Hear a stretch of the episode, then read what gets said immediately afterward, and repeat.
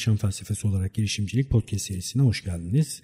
Ve bütün haberlere ulaşmak için tek bir adres var benimle ilgili inançayar.com ve o adres için o adreste mümkün olduğunca gelişmelerden, yeniliklerden bahsetmeye çalışıyorum.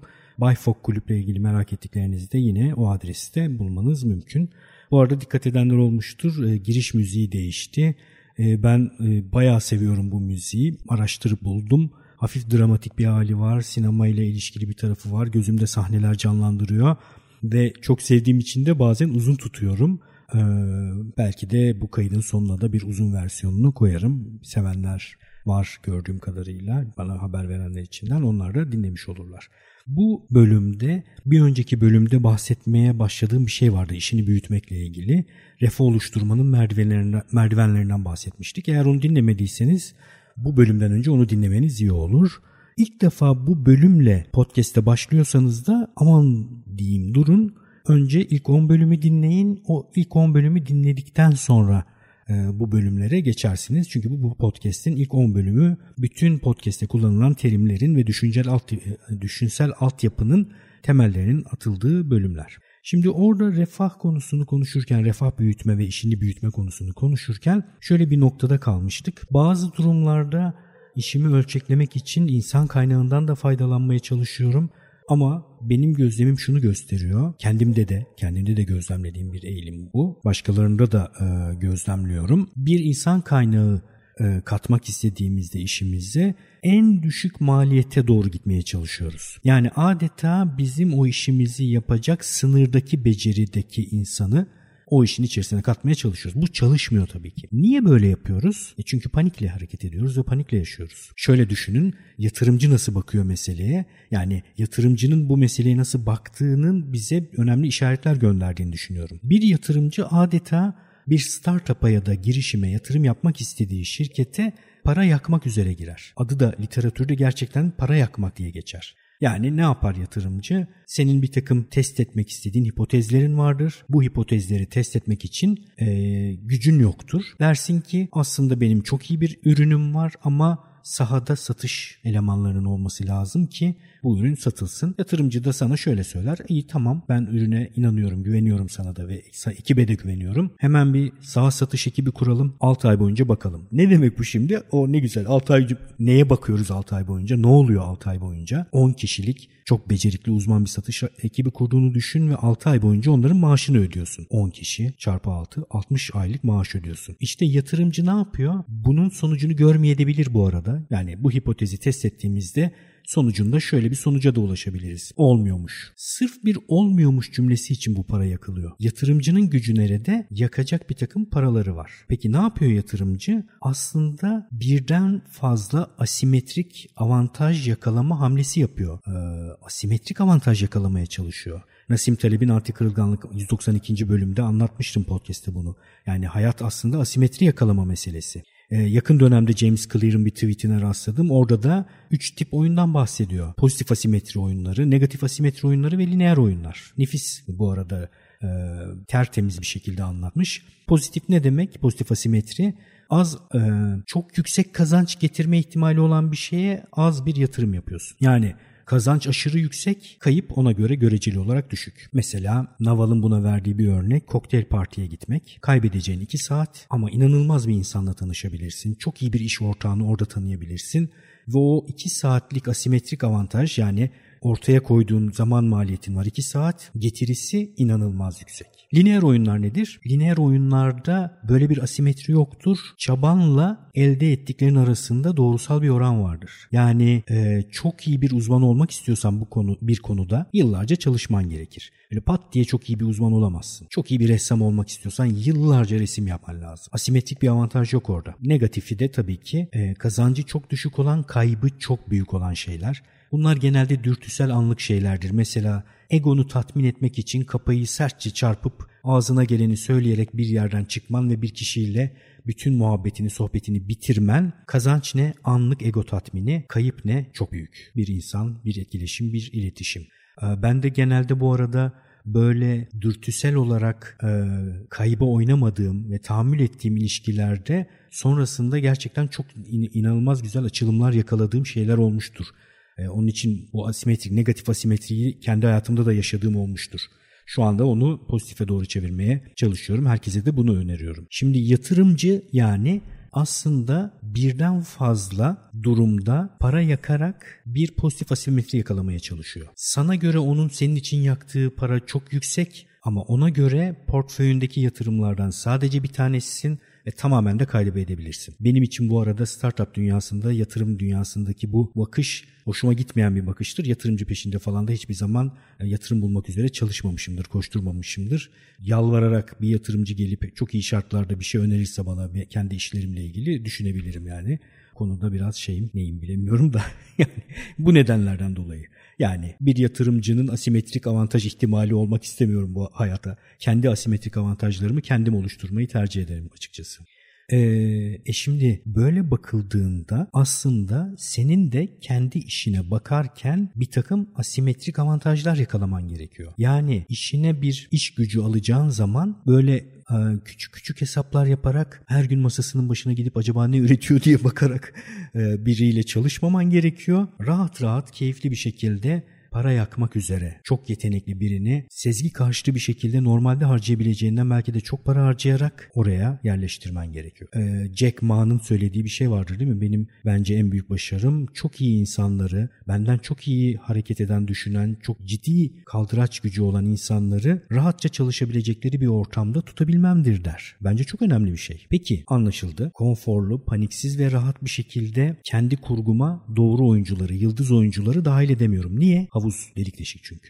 Daha önce senin havuz problemin var diye anlatmıştım. E, bu konu da çok enteresandır. Zamanla e, hayatın içerisinde yol aldıkça da çok keşfettiğim bir şey. Genelde kültür, özellikle orta sınıfa yerleştirilen kültür kazan harca kültürüdür. Sürekli senin harcaman gerekiyor ki hamster gibi koş. Yani 20 yıllık ev borcuna gireceksin ki 20 yıl boyunca ortalama maaşlarla çalışmaya razı olacaksın. Genelde kurgu budur. Önüne krediler dökülür. Yeter ki sıkışmış olarak 20-30 senen sıkışsın ve bu sistemin içerisinde belirli bir ortalamaya rıza göstererek üretmeye çalış. Bu kültür hep senin e, tüketiminle üretim tüketiminin en iyi ihtimalle baş başa gitmesi kurgusuna dayanır. Çoğunlukla tüketimin öndedir. Sen üreterek yetişmeye çalışırsın. E rahatlamak mümkün mü böyle? Yani sürekli koşu halindesin, panik halinde koşuyorsun. Yani havuz hayal edelim, havuz metaforunu kullanalım, düşünelim. Aslında havuzun kenarında keyif yapmak için gelmişsin bu hayata ama sürekli havuza su taşıyorsun. Çünkü havuzun altında büyük kocaman musluklar var boşaltan musluklar. Dolduran musluk da bir tane maaş. 20 sene boyunca o havuzdan bir musluğun düzenli su boşaltması demek bir ev kredisi. 20 sene boyunca havuzun delik. Gerek var mı? Belki daha avantajlı durumlar var. Yani belki yatırım yapmaya alışabilirsin. Şimdi havuzu düşünelim. Havuz ne oluyor? Boşaltan musluklar var. Sabit harcamalar, tatiller, arabalar, yazlıklar, evler. Ee, bir de yatırımcı anlayışıyla yaklaştığını düşün düşün. Yani asla kazandığından çok harcamadığını düşün. Muhakkak birikim yaptığını düşün. Bu birikimlerin yavaş yavaş kar topu gibi büyüdüğünü düşün. E ne oluyor o zaman? Havuzun kenarında şezlonga uzanıp keyfini yapabilir hale geliyorsun. Öbür türlü havuz senin için yüzülen bir şey değil. Suyu sürekli sabit tutulmaya çalışılan bir şey. Bazen de mesela şey müsait olmuyor. Yağmur yağmayan bir yerde havuzun. Sürekli senin taşıman gerekiyor. Bunun da olmaması gerekir. Yani bu benzetmeyi böyle çok sevdiğim için e, abartı abartı kullanabilirim açıkçası. Yani bence mesela havuzun arada bir yağmur alan bir yerde olması lazım. Öyle o kadar kurak bir yerde olmaması lazım. Havuzu dolduran muslukların fazla olması lazım. Bir de havuzu hep elle doldurmuyor olmam lazım değil mi? Bir önceki bölümdeki refah merdivenlerini düşünelim. E hep doldur, hep taşı, hep taşı. E nasıl yüzeceğiz? Nasıl güneşleneceğim? O halde havuzun içerisine otomatik olarak su dolduran bir takım şeylerin olması lazım. Yani ben hep elle havuza su taşımak yerine ki bu ne oluyor? Maaş ya da zamanınla parayı değiştirmek, ekonomiyi değiştirmek. Bunu yapmak yerine bir su kaynağına ulaşıp oradan bir su borusu çekebilirim havuza ve belli bir süre otomatik olarak su gelebilir. Başta hiç su gelmeyecek. Başta ben harcayacağım, emek de harcayacağım ama verimli bir su kaynağı kaynağı ile kendi havuzum arasındaki hattı çekebilirsem eğer buyurun işte otomatik geliyor. Şu an benim havuzuma her gün öğren hattı önceden çekilmiş, dördüncü yılına geçmiş bir girişim olarak otomatik su taşıyor. Çünkü ben durduğumda da değer üreten bir kurgu. İşte bu son dönemlerde özellikle dikkatimi çeken şey benim bu. İnsanlar panik halinde, stres içerisinde ucu ucuna bir şeyleri yetiştirmeye çalışıyorlar ve burada da genellikle biz hatalı olan kendimiz oluyoruz. Yani sezgi karşıtı olanı yapmak yerine rahat ve keyfi olanı yapıyoruz. Görüyorsunuz siz de yani ilk yapılan şey araba almak, arabanı daha iyi hale getirmek, yazlık almak, büyük büyük evler almak. Aslında yapman gereken ne? Havuzun şu andan itibaren, yarından itibaren dolmaya başlamasını sağlamak e, muhteşem bir şey vardır kuvvet biliyorsunuz. Bileşik etki. Birbirine eklenerek katlanarak büyüyen etkiler. Bileşik etki yakalamak gerekiyor. Sistem kurarak bir şeyleri tasarlayarak bir takım sistemler geliştirerek o bileşik etkiyi yakaladıktan sonra panik de kaybolmaya başlıyor. Yani hayır diyebilmeye başlıyorsun. Düşünelim niye hayır diyemiyoruz? Yani saçma sapan B2B teklifleri gelmiyor mu? Türkiye'de yaşıyorsunuz. Olacak yani. Bu, bu ne falan diyeceğiniz. Ama evet diyorsunuz. Evet diyordum. Ben bayağıdır hayır diyorum bu arada. Yani yani kendi e, podcastlerde size anlattığım şekilde yani hepsini uygulayamıyorum. Benden iyi uygulayanı vardır bu arada podcast'te anlattıklarımı. Ama ağırlıklı olarak uygulayarak şu anda hayır diyorum. Bu lükse nasıl ulaşıyoruz? Bir takım gerçekten öne geçici kurgular yaparak, paniği azaltarak. Şimdi paniği azaltınca ne oluyor? Daha rahat hareket etmeye ve hayır demeye başlıyorsun. Bir müzakereyi düşünelim. Bir müzakeredeki en avantajlı taraf sabredecek vakti olan, acelesi olmayan taraftır. Neden Türkiye'de B2B kurgularda büyük kurumlar İstediği her şeyi koparıyorlar karşılarındaki insanlardan. Çünkü bekleme avantajı var. Çünkü seçme avantajı var. Senden almaz bir başkasından alır. Karşı tarafta hayır diyemediği için yani genel olarak oradaki girişimcinin kurgusu sakat yanlış olduğu için genel olarak oradaki girişimcinin kurgusu yanlış olduğu için hayır diyemeye diyeme hep birlikte birbirimizi batırdığımız bir oyunun içerisine girmiş oluyoruz. Aslında benim gördüğüm kadarıyla tüm ilişkileri saygın hale getirebilen, getiren şey tarafların hayır diyebilme gücü. Yoksa bir taraf kendine olan saygısını da kaybetmeye başlıyor. Her şeye evet demeye başlıyor. Ondan sonrası zaten yuvarlanma. Havuza sürekli su taşımaya çalışma. Benim için şu anda e, hani birisi gelse bana dese ki e, neleri hızlıca öğrenmiş olmak isterdin ve hayatına geçirmiş olmak isterdin? Çok erken yaşlardan itibaren hep harcamalarımın önünden gitmeyi. Yani X anı 18 yaşından itibaren X anından itibaren hep kurgu olarak a, elimdekinden az harcıyor olmayı ve birikim yapmayı hayatımın bir parçası haline getirmiş olmayı isterdim. Çok erken vakitte. Bunu ben kendi yaşamım açısından çok geç keşfettim. Hayatta tabii bazı şeyleri insan ancak kendisi de yaşadığında öğrenebiliyor. Ama bazı şeyleri şeyleri de e, yaşamana gerek yok. Ya da şöyle söyleyeyim. Yaşamadan başka birisinin deneyiminden de öğrenebiliyorsan bazı şeyleri işte o zaman gerçekten kaldıraç gücü yüksek bir şeyle tanışmış oluyorsun.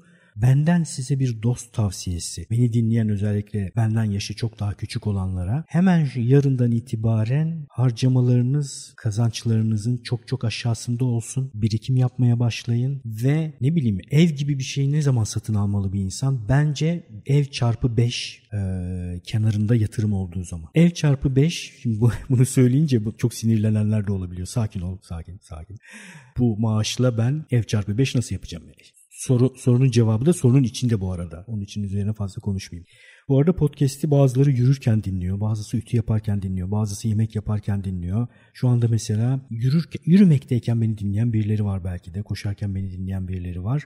Fiziksel aktivite de ekleyeceğim şeylerden diğeri olurdu. Hemen X anında yarından itibaren hayatın içerisine fiziksel aktiviteyi sokan insanlar orta yaştan itibaren çok daha sorunsuz bir yaşam içerisinde olacaklar. Ee, bunun da çok önemli olduğunu düşünüyorum. Evet benim bir havuz benzetmesiyle e, neden en başta sorduğum soruya dönecek olursak neden acaba maliyet odaklı davranarak bir insana cömertçe maaş veremiyoruz, para veremiyoruz ya da kendi oyun kurgumuza dahil edemiyoruz sorusuna cevabım havuz sürekli delik, sürekli boşalıyor. Havuzun kurgusu yanlış, yeri yanlış, bir sürü yanlış var ama güzel haber şu hepsi düzeltilebilir. Yeter ki bir insan havuzun keyfini çıkarmayı kafasına koysun. Görüşmek üzere.